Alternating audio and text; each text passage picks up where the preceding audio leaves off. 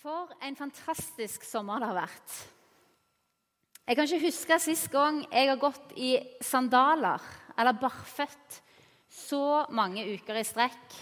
Og det har vært en sånn voldsom tvekamp hjemme hos oss i det å på en måte gå over til bukser istedenfor shorts.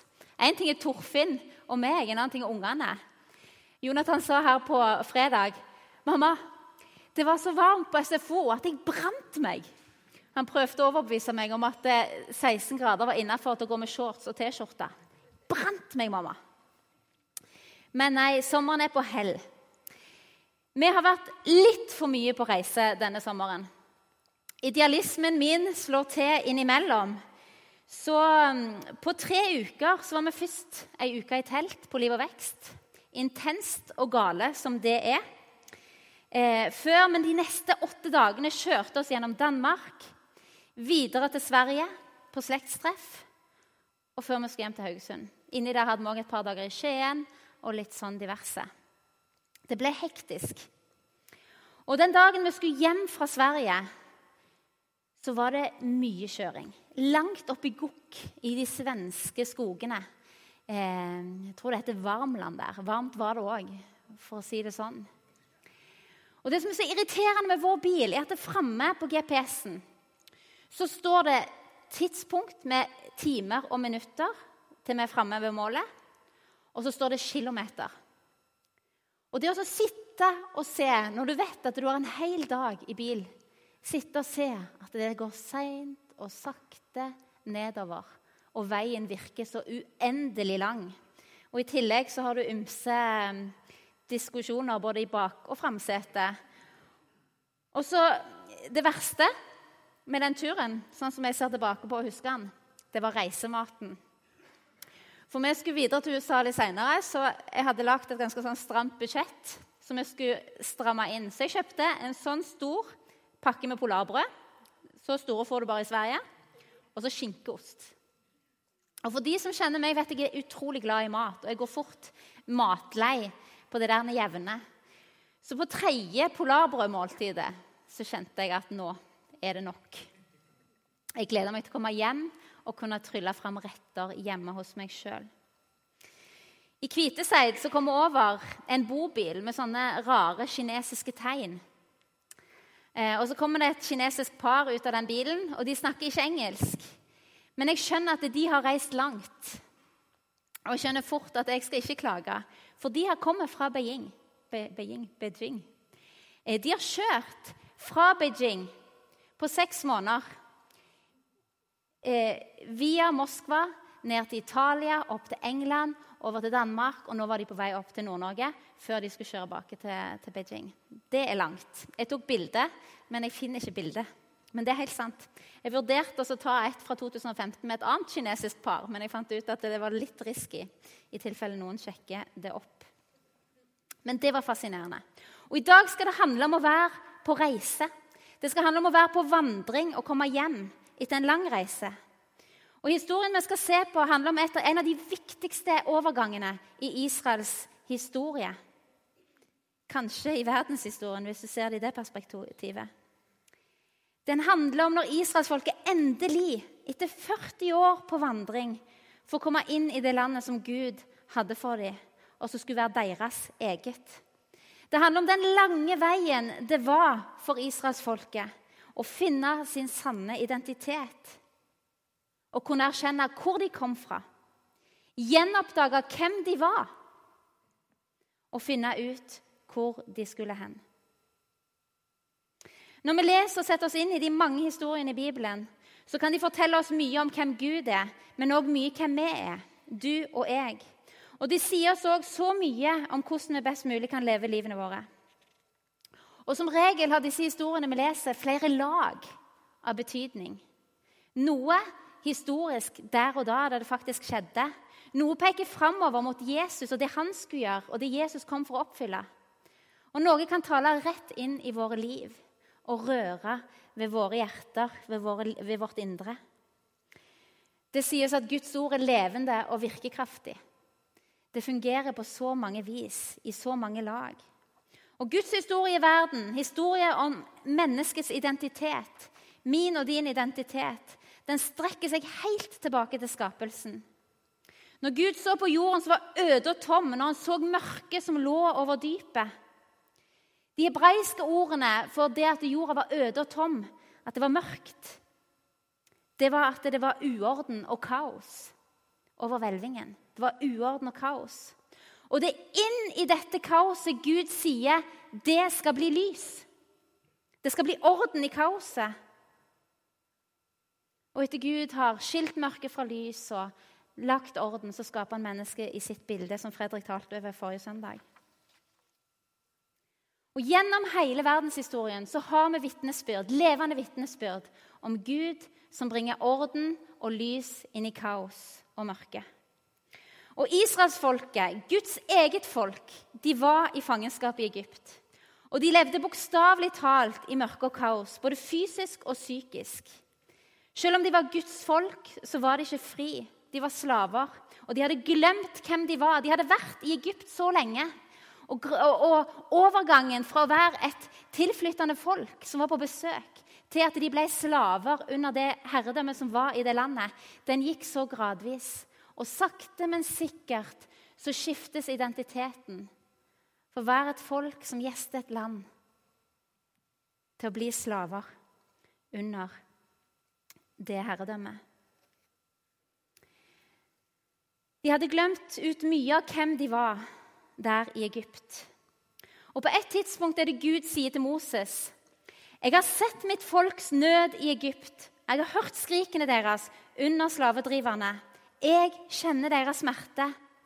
Jeg har steget ned for å fri dem ut av hendene på egypterne og føre dem opp fra dette landet og inn i et godt og vidstrakt land, inn i et land som flyter av melk og honning. Og merk dere de ordene føre de opp fra dette landet og inn i et godt og vidstrakt land. Guds plan og vilje for sitt folk var at de skulle være fri. De skulle eie sitt eget land. De skulle høre til. Ingen andre skulle få definere hvem de var. På samme måte som Gud tenker om, eh, tenker om sitt folk, israelsfolket, så tenker han om alle mennesker. At vi skal være fri. Jesus sa det. 'Jeg er kommet for å forkynne et godt budskap for fattige.' Han har sendt meg for å rope ut at fanger skal få frihet, og blinde få syn igjen, for å sette undertrykte fri. Det er Guds hjerte for alle mennesker. Det er Guds hjerte å ønske at alle mennesker skal ha den identiteten. Men å få komme dit, å få komme hjem til Jesus, finne trygghet, bli fri fra det som binder og tynger, det som, og det å se ting i riktig perspektiv og bli reist opp Dit ønsker Gud å ta oss, men det kan noen ganger ta litt tid. Og før vi går inn i eh, selve historien, eh, som er hovedteksten i dag, så skal vi se litt på det, hvordan det forløp seg for israelsfolket. På samme måte som det var en reell kamp så kan vi lese den åndelige kampen som, som skjedde rundt israelsfolket, Guds folk. Farao hadde folket i sin jernhånd. Og Han var ikke interessert i å slippe taket på dem når Moses begynte å utfordre på å, si, å, å la folket Gud sier 'la folket mitt dra'. Han holdt tilbake. Og På et punkt så gir han seg. Eh, men før han gir seg, så intensiverer det seg. Eh, og han, og han dobler arbeidstyngden på israelsfolket. Før tidligere så hadde de fått all halmen, de hadde fått ting båret til seg når de drev og bygde. Nå dobla han arbeidsmengden, og folket, slavene, måtte gjøre begge deler. Det reiste seg en ny vegg av utfordringer for folket som var i fangenskap under slaveriets bånd. Sånn kan det ofte òg være for vår del i våre liv når vi er i prosesser. Noen ganger så blir det verre før det blir bedre. Det er en kamp om dette med å lede mennesker fra å være i fangenskap til å bli satt fri. Og det, Sånn var det for israelsfolket òg. Eh, men nettopp da, når det øker i trøkk, så er det viktig å bli stående i troen. Bli stående i troen, som Fredrik eh, innleda med. For da er ofte utveien nær. Og det var det for israelsfolket òg. Farao slapp taket, og Moses fikk lede folket ut av Egypt. Så angra han seg, og så ble det vilt og gale et lite øyeblikk. Og plutselig, etter at Israelsfolket akkurat hadde fått kjenne på den der friheten Yes, vi er fri! Vi har sluppet fri. Så møter de havet foran seg, og så har de en hær av egyptere etter seg. For farao ombestemte seg. Kampen om friheten deres var i gang. Og han var etter dem og ville ha dem tilbake til der de var. Israelsfolket roper til Gud og til Moses. 'Hvorfor førte du oss ut av Egypt?' Var det ikke det vi sa til deg? La oss få være i fred. Vi vil arbeide for egypterne. Det er bedre for oss å arbeide for de enn å dø i ørkenen. Og Så sier Moses folket igjen, vær ikke redde. Bli stående, så skal dere få se at Herren frelser dere i dag. Herren skal stride for dere og dere skal være stille. Dette er et folk som har vært under så stor påkjenning i mange år. De har blitt sett på med avsky i landet de bodde. Hat, bitterhet, fornedrelse, mishandling, tap og frykt har preget deres hverdag over så mange år. Og fortsatt, selv om de egentlig er blitt satt i frihet, så er de nok fastlåst i gamle tankemønstre, bildet de hadde på seg sjøl, var mye av det som satt igjen eh, etter slaveriet i Egypt. De var ikke blitt fri fra tankemønstrene, alt som hadde satt seg. Det kan ta tid. Og her kan vi trekke inn hva er det som binder oss? Hva er det som binder deg? Hva er din frykt? Hva er det som holder deg tilbake? Hva er det fra fortida som holder deg igjen? Er du helt fri? Eller er det fortsatt enkelte tankemønstre, negative eller usunne? Er det ting som bekymrer deg mye, ting som holder deg fast? Ofte så henger fortiden med og så mye at vi ikke kommer oss videre. Og egentlig så er enkleste veien å gå tilbake til det vi husker best, til det vi er vant med. Og Den enkleste utveien som vi ser israelsfolket tar her, er å ikke feise frykten, men å ville flykte vekk fra det skremmende, ukjente og nye, tilbake til det gamle og kjente. Og Gud måtte si her, si både til Moses og folket at de skulle dra videre inn i det ukjente. Gud sier til, til, til, eh, til, Moses si til israelittene at de skal dra videre. Hvorfor roper du? spør han. Si til israelittene at de skal dra videre. Du skal løfte staven din og rekke hånda ut av havet og kløyve det, så israelittene kan gå tørrskodd tvers igjennom havet. I en av de engelske bibeloversettelsene jeg leste, så står, så står det oversatt sånn Eh, ikke, ikke altså, Hvorfor roper du? Nei, det står 'Quit praying and get the people moving. Forward. March'. Gud befaler folket å gå på. Gå videre. Rett inn i det nye og ukjente. Befaler de til å legge det gamle bak seg og gå videre. Og så går israelsfolket gjennom havet, videre over til den andre siden. Og der står de på elvebredden med en erkjennelse Wow, så stor Gud er. Så fortsetter vandringen videre mot det landet som Gud har lova han skal lede de til. Og Så går det ikke før så veldig lang tid før de nærmer seg dette landet. Men det er mye som skjer på veien. Og det vi ser, det er at gang på gang så mister israelsfolket troen på at dette kan gå bra. Gang på gang mister de tilliten. Det er liksom en pendel. Når du leser Mosebøkene, her, så er det en pendel fra 'wow, Gud er stor' til 'nei, vi vil tilbake til det gamle'. 'Dette funker ikke, det går ikke'. Wow, Gud er stor. Nei, det kommer aldri til å gå. Og Sånn holder de på.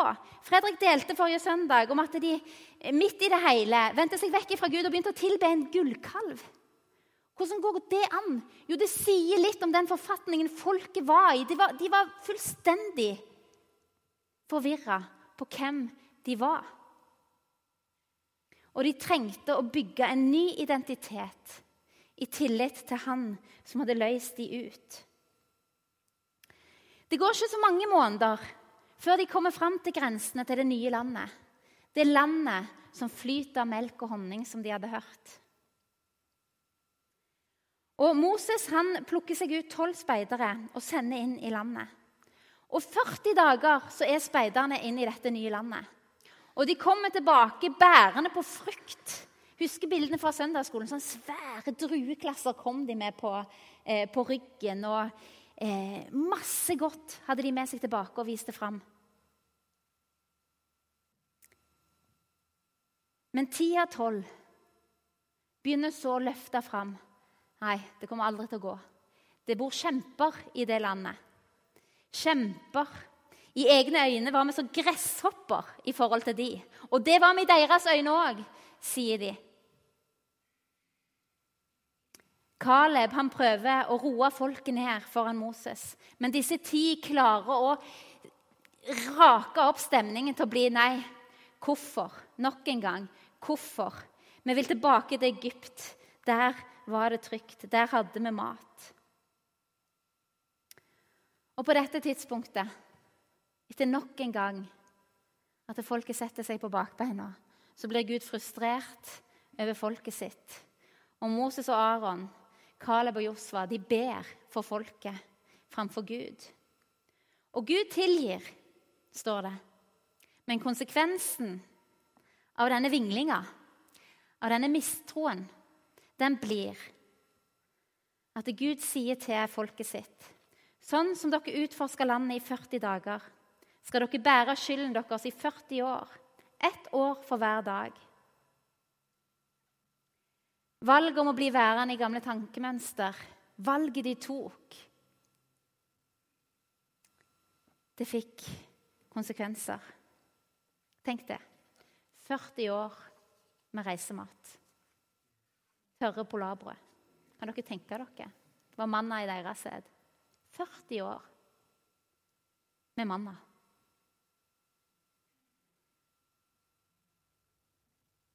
Bare det er en konsekvens i seg sjøl.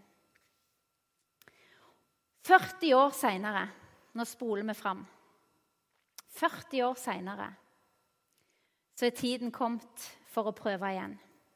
Tiden er kommet for å gå framover for å gå videre. Tiden er kommet for å innta landet. Tiden er kommet for at folket skal få komme hjem og finne sin rette identitet.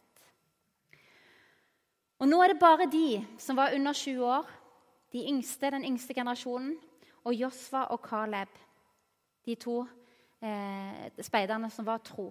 Det er bare de som er igjen, og som skal få lov til å komme inn i det nye eh, landet. Og Det står det i Josva 1. Da Moses, Herrens tjener, var død, sa Herren til hans medhjelper Josva, Nuns sønn. Min tjener Moses er død.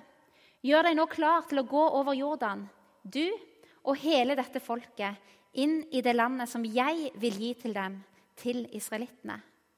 Hvert sted dere setter foten på, gir jeg dere, slik som jeg lovet Moses. Så står det videre litt lenger nede. Så lenge du lever, skal ingen kunne holde stand mot deg. Jeg vil være med deg slik jeg var med Moses. Jeg svikter deg ikke og forlater deg ikke. Vær modig og sterk.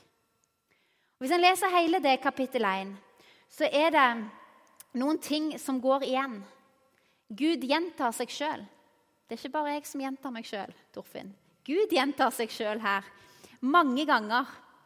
Eh, men jeg leser det ikke mange ganger, for jeg øver meg på å ikke gjenta meg sjøl. Men det er to ting som går igjen. Det ene er 'vær modig og sterk'. Og så er det andre altså Det ene er en befaling 'vær modig og sterk'. Og det andre på den andre sida, det er 'jeg slipper deg ikke, og jeg svikter deg ikke'. Altså Løfte på den ene sida og så en befaling på den andre sida. Og definisjonen av å være modig, det som Gud gjentar så mange ganger, det er modig er å være i stand til å gjøre noe man er redd for. Modig er å være i stand for å gå inn i det man egentlig er redd for. Og så er definisjonen av å være sterk det er å tåle stor påkjenning. en av de, Og vise karakterstyrke.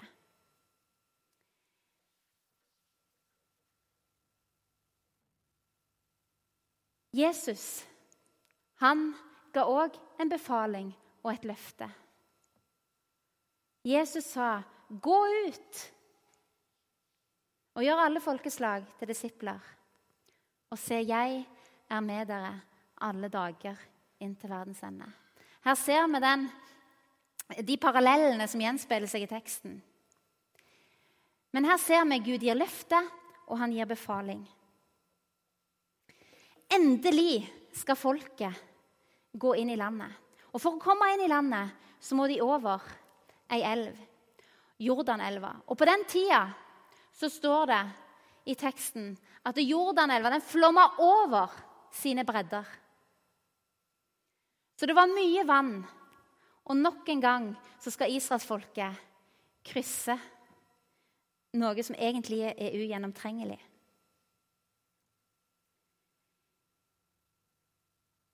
Tiden er inne for at folket skal få sin sanne identitet og bli eiere av landet. Men igjen så må de møte det ukjente.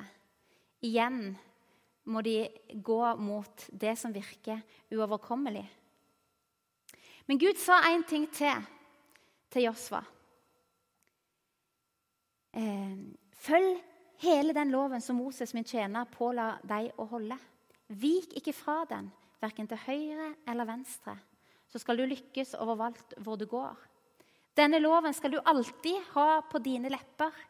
Les fra lovboken dag og natt, så du trofast følger alt som er skrevet i den. Da skal du ha fremgang der du ferdes, og alt skal lykkes for deg. Og så gjentar han seg sjøl med 'vær modig og sterk'. Jeg slipper deg ikke og svikter deg ikke. Det er noe nytt nå i forhold til hva det var når de skulle over Rødehavet, når de gikk gjennom Rødehavet. De har fått Guds ord, de har fått loven, de har fått paktkisten. Gud har gitt dem et større holdepunkt, et større ankepunkt i livet. Josva han manner seg nå opp. Han må være i stand til å møte det han frykter, før folket. Og fallhøyden er jo ganske stor. For han var jo en av de som var vitne til at det ikke gikk forrige gang. Det var krasjlanding forrige gang de prøvde å gå inn i landet. Nå måtte han være modig og sterk. Men Gud hadde gitt han løftet om at han alltid ville være med. Men Josva han gjør det samme her som Moses gjorde. Han sender speidere inn i landet, men den gangen sender han bare to. Istedenfor å sende én fra hver stamme, så sender han to inn i landet. Ehm, og På få dager skal de inn og sondere forholdene. Og Vi leser at disse to speiderne de tar inn hos den prostituerte dama Rahab. Og Hun gjemmer dem, for kongen får nyss om hva som har skjedd. Og her, her, Hun sier òg noe forunderlig. For eh, mens hun skjuler de for kongen, så har hun mye dialog med dem. Og hun sier det. 'Jeg vet at Herren har gitt dere dette landet,' 'og at frykten for dere har falt over oss.' 'Alle som bor i landet, skjelver for dere.' 'For vi har hørt hvordan Herren tørket ut vannet i Sivsjøen foran dere da dere dro ut av Egypt.' Tenk det vitnesbyrdet om hva Gud hadde gjort blant israelsfolket, det levde i det landet de skulle inn i. Blant de folket som ikke var en del av Guds folk. Vitnesbyrdet om Guds under det levde, det var levende. Og det hadde allerede begynt å sette folk ut av sjakk. Hvis det går an å si. Eh. Hun sier det. Når vi hørte om det, så smelta hjertet vårt bort. Og vi mista motet av dere. For Herren deres Gud er Gud både i himmelen der oppe og på jorden her nede. Det israelsfolket ikke visste, det speiderne, de ti speiderne ikke forsto, det at Gud allerede hadde gått foran og gjort alle ting klart. Veien lå åpen foran dem. Gud hadde vært der. Men folket mista troa. De ble ikke stående, de ble ikke stående fast i møte med det som Gud leda dem inn i. Det som var ukjent, det som var fremmed.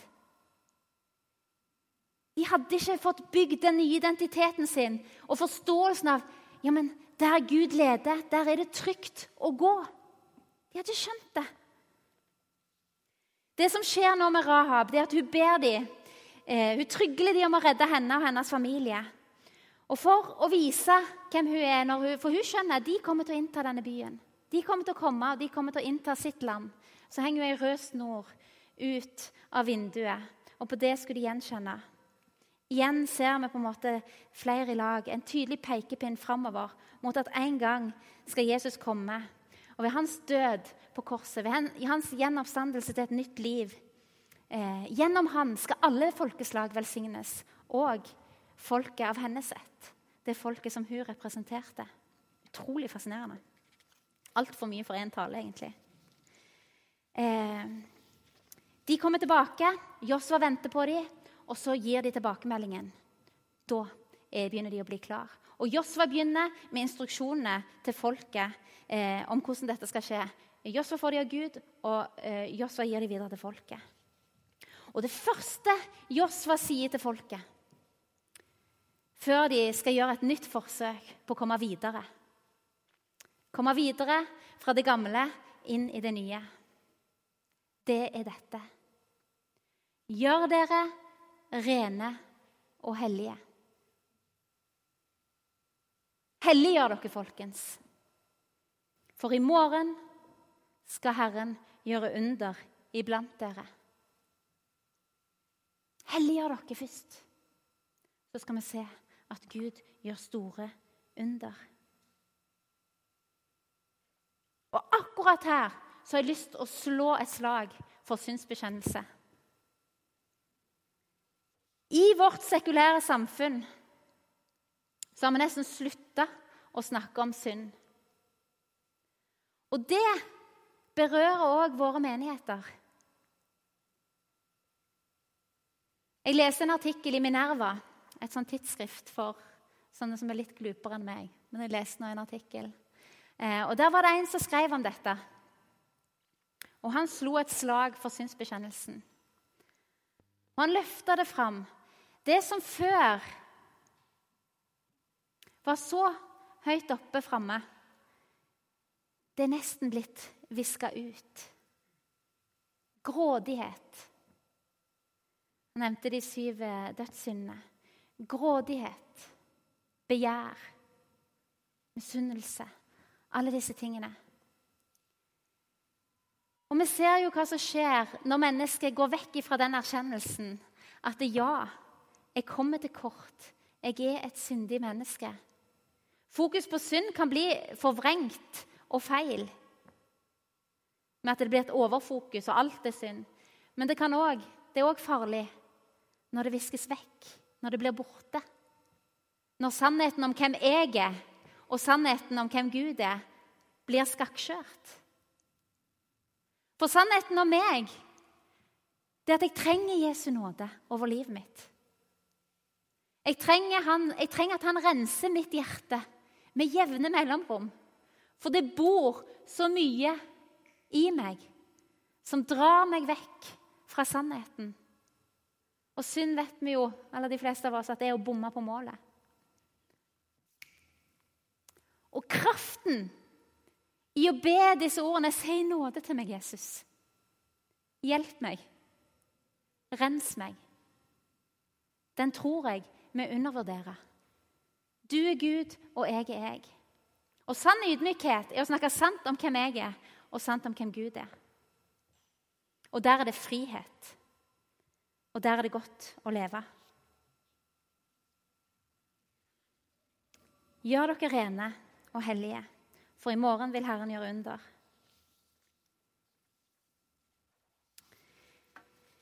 Den neste instruksjonen gir han til eh, prestene. Han sier til dem, løft opp paktkisten og gå over elven foran folket.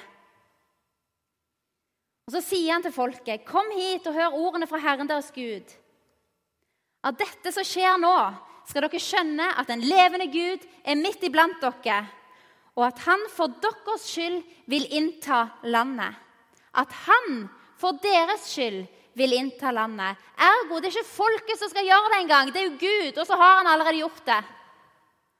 Og Sånn er det med oss òg og vår identitet og det som bor i oss, det vi er fanga av, det vi er låst av, det som holder oss tilbake i livet.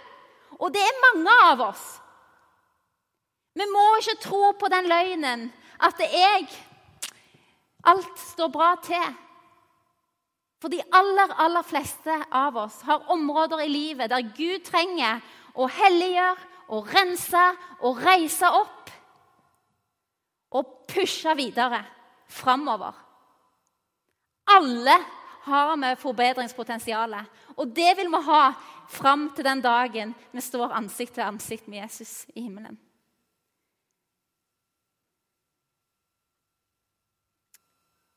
Der mista jeg tråden.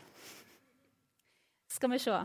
Jo, av dette skal dere skjønne at den levende Gud er midt iblant dere, og at han for deres skyld skal ta landet. Og han har allerede vært der. Det er så utrolig mye uoppdaga, så utrolig mye potensial i oss som enkeltpersoner og som kirkefellesskap. Og for de som ennå ikke har tatt imot Jesus, så er det enda mer uoppdaga potensial. For der er selve livet uoppdaga. Jesus sier 'Jeg er veien, sannheten og livet'. Den som tror på meg, skal leve om han enn dør. Wow.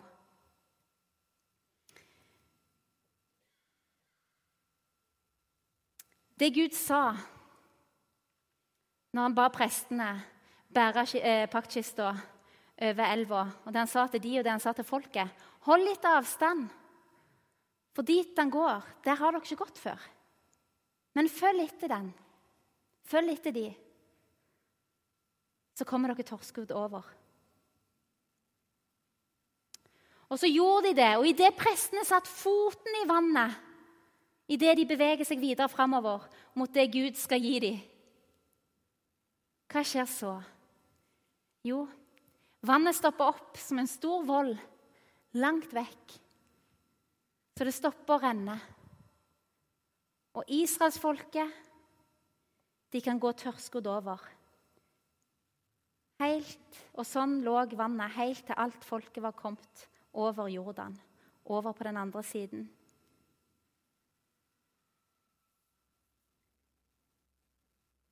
Nok en gang viste Gud sin storhet. Men nå ble prestene stående på elvebånden med paktkifsa, med ordet, helt til alle var kommet over.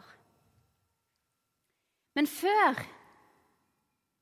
før prestene kunne gå ut og ting kunne gå tilbake til eh, det normale, så hadde Gud noen ekstra instruksjoner. Herren sa til Josva.: Si til prestene som bærer kisten med vitnesbyrde Kisten med vitnesbyrde sto fast på bånd. Eh, at de skal stige opp av Jordan. Før han gjorde det, så ga eh, han en befaling om at Josva skulle si til folket at en fra hver stamme nå tolv stykker og ikke to, skulle gå opp, ned på elvebunnen og ta med seg en stein. Steinen skulle være så eh, stor og tung at mannfolka kunne bære den på skuldrene. Og Så skulle de ta den med til det stedet der de skulle være. Og grunnen til det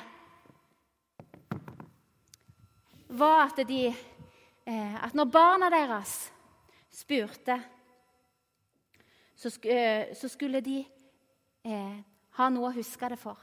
Hvorfor? Hva skjedde? Hva var det som skjedde? Hvordan kom vi inn i landet? Hvordan fant vi vår identitet? Eh,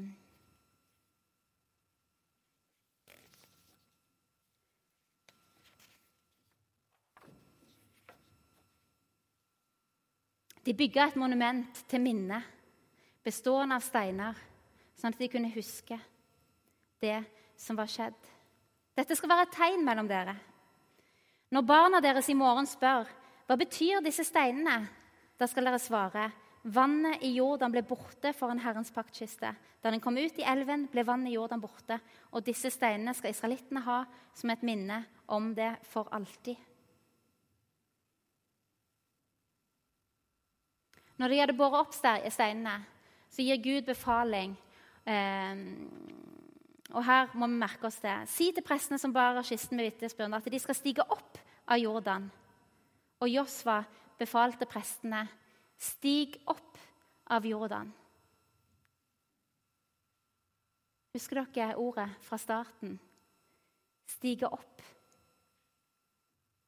Her er det et tydelig tegn og bilde på dåpen om at vi som tror, vi som ønsker Han som Herre i livet, vi er begrava og oppreist med Kristus. Israelsfolket gikk gjennom Rødehavet. Her stiger de opp av Jordan. Det er en ny tid.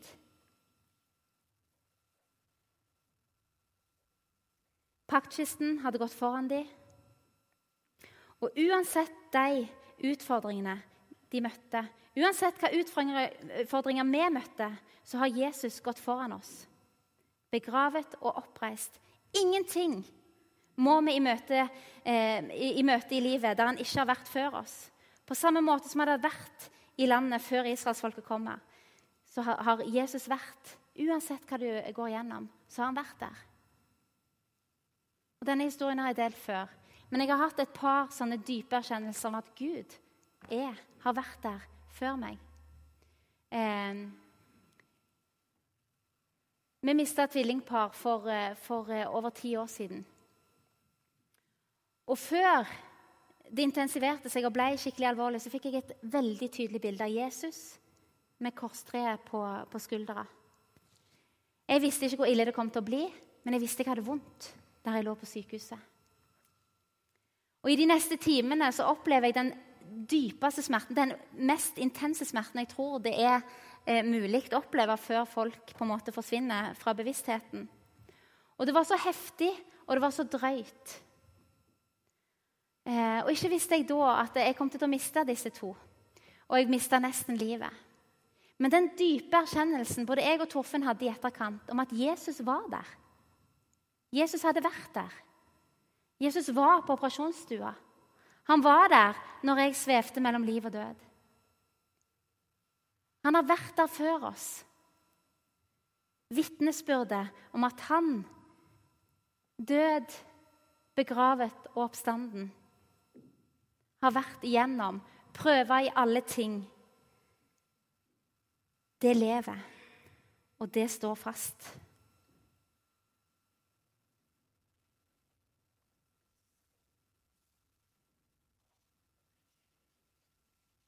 Etter dette så bruker de steinene, så bygger de et monument til minne om det som har skjedd, for å minnes.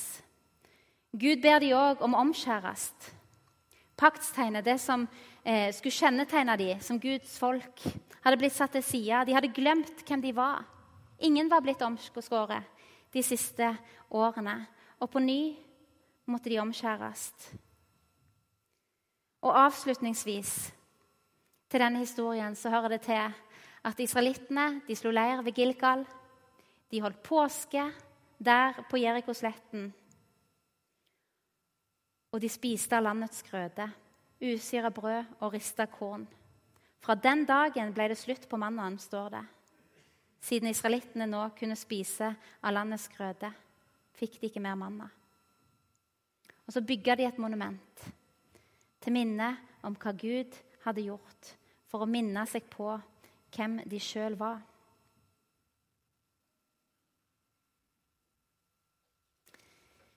Jeg skal gå inn mot avslutning.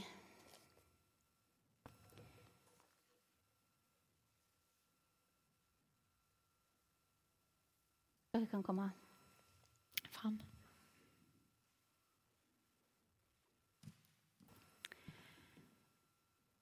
Å bryte med gamle tankemønster, det går ikke av seg sjøl. Å bryte med det gamle Det går ikke av seg sjøl. Israelsfolket var så satt i sin gamle identitet at de klarte det ikke. De klarte ikke å bryte med de gamle mønstrene. De ga seg over til tvilen, til kaoset, til usikkerheten. De ble et folk som var vel kjent med tilbakeslag og nederlag. Vi som folk er kalt til å gå med Jesus framover. Vi er kalt til å bli stående til vi ser at han baner en ny vei inn i nye ting. Vi er kalt til å la han få lov til å forme oss og definere hvem vi er. Vi er kalt til å være modige og gå i møte med det som utfordrer oss, med det vi er redd for. Vi er kalt som kirke til å være i bevegelse framover. Og følge etter Han som har gitt oss den nye pakt, det nye liv og som er kalt til å være levende steiner. Vi er kalt som kirke til å være levende steiner som bygges opp til et hellig tempel. Og som israelsfolket, for at de skulle huske på hvem de var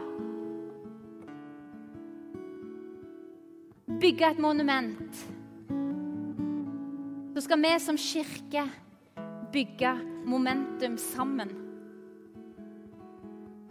Og det er ikke gjort på en dag. Og jeg tror både som enkeltpersoner og som kirke, på veien framover, på veien videre, så er det mønster som må brytes. Måten vi tenker om hverandre.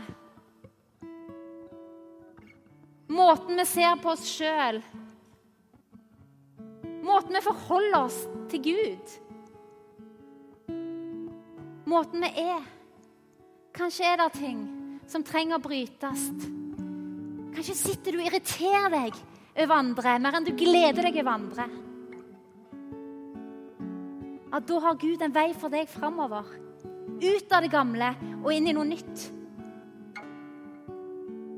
Den nye identiteten som han har kalt oss til å leve i, der det er frihet. Sannheten skal sette oss fri. Og når vi bommer på det Gud har kalt oss til å stå i, ja, da bommer vi.